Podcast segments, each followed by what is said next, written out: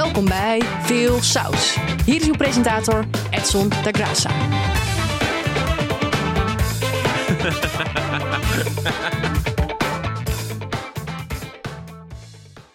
Het aantal burn-outs bij stiefouders, of als je hip en woke bent, zeg je natuurlijk bonusouders, stijgt enorm. En dat is wel te begrijpen, want kinderen zijn, ja, hoe zal ik het zeggen, teringhinderlijk. Laat staan als ze niet van jezelf zijn. Kijk, als ouder wil je ze wel eens achter het behang plakken, maar als bonusouder kan ik me best goed voorstellen dat je je Poolse vrienden wil bellen om de boel te laten stukken. Dus ja, ik snap dat het stressniveau hoog is. En het probleem komt ook steeds vaker voor, want vroeger bleven we nog wel eens bij elkaar voor de kinderen en zadelden we diezelfde kinderen op met allerlei trauma's omdat we vechtend door het huis gingen, maar dachten: "Oh, maar die kinderen die merken niks." Jawel, kinderen merken en voelen alles. Tegenwoordig is het andere koek, want nu scheiden mensen sneller dan Rituals en de Lexmond-zusjes. Dit groter wordend probleem moet dan ook worden aangepakt. En dat vindt ook Karin den Hollander van de Stief Academie. En zij heeft een heel ingenieus plan om dit te laten lukken. Zij wil namelijk Stiefouderdag net zo groot maken als Moederdag.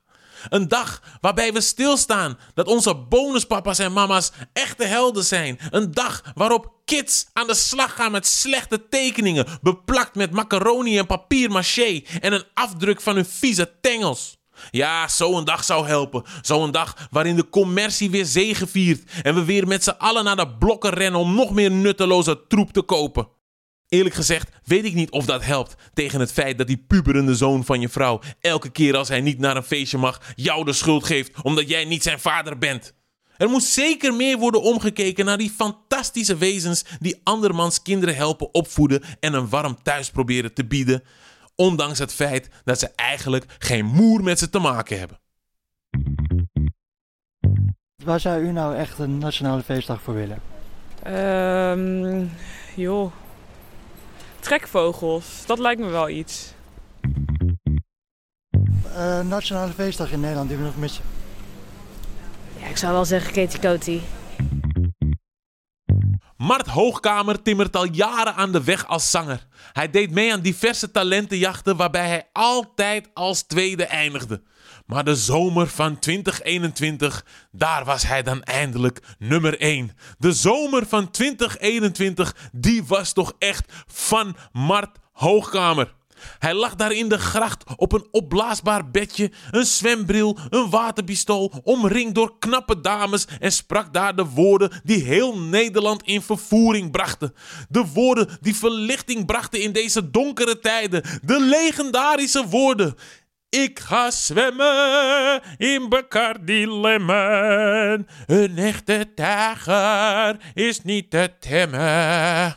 Maar onze getatoeëerde circustijger heeft een longontsteking opgelopen en kan dus in deze voor hem zeer lucratieve tijden niet optreden. Het is alsof hij de loterij heeft gewonnen, maar het lot kwijt is. Alsof Duitse Kroes en Jolante klaarstaan voor een trio, maar hij krijgt zijn pielenmeis niet omhoog. Hij heeft toegang tot de poorten van de hemel. God staat daar met zijn smartphone te wachten totdat hij zijn QR-code geeft. Maar Mart heeft geen QR-code. Over geen QR-codes gesproken, good old Lange Frans heeft ook aan deze hit meegeschreven. En het valt me mee dat we niet horen: Ik ga zwemmen en nooit meer stemmen, want de overheid probeert ons te klemmen. Mart is niet zo'n eendagsvlieg als Guillermo en Tropical Danny van Doe mij een toppertje en een brieze ananas. Of Abel, ik doe de deur dicht. Die is waarschijnlijk nog steeds onderweg naar zijn tweede hit. Nee, Mart kan eigenlijk best goed zingen. Is best wel talentvol. Deze tijger is volgens mij op weg naar nog veel meer hits, maar zit nu nog even met die longontsteking in zijn kooi. Waar zou ik het liefst in willen zwemmen? Ja. Uh, Bacardi Lemon. Nou. Welke zanger of zangeres mag van jou een longontsteking krijgen? Oh god. Uh, Miss Montreal. Want? Ja, dat is gewoon kutmuziek. Het was maandag 11 oktober, Coming Out Day. Op deze dag staan we stil bij het uit de kast komen van mensen uit de LHBTIQ gemeenschap. Uit de kast komen wekt bij mij eigenlijk wel een beetje een dubbel gevoel. Voor mensen die dit moeten doen is het ontzettend spannend, omdat ze mogelijk kunnen worden afgewezen of niet geaccepteerd kunnen worden om het feit dat ze zijn wie ze zijn. En dat is natuurlijk ongelooflijk. Want als hetero man of vrouw sta je niet stil bij het feit dat je op een jongen of meisje valt.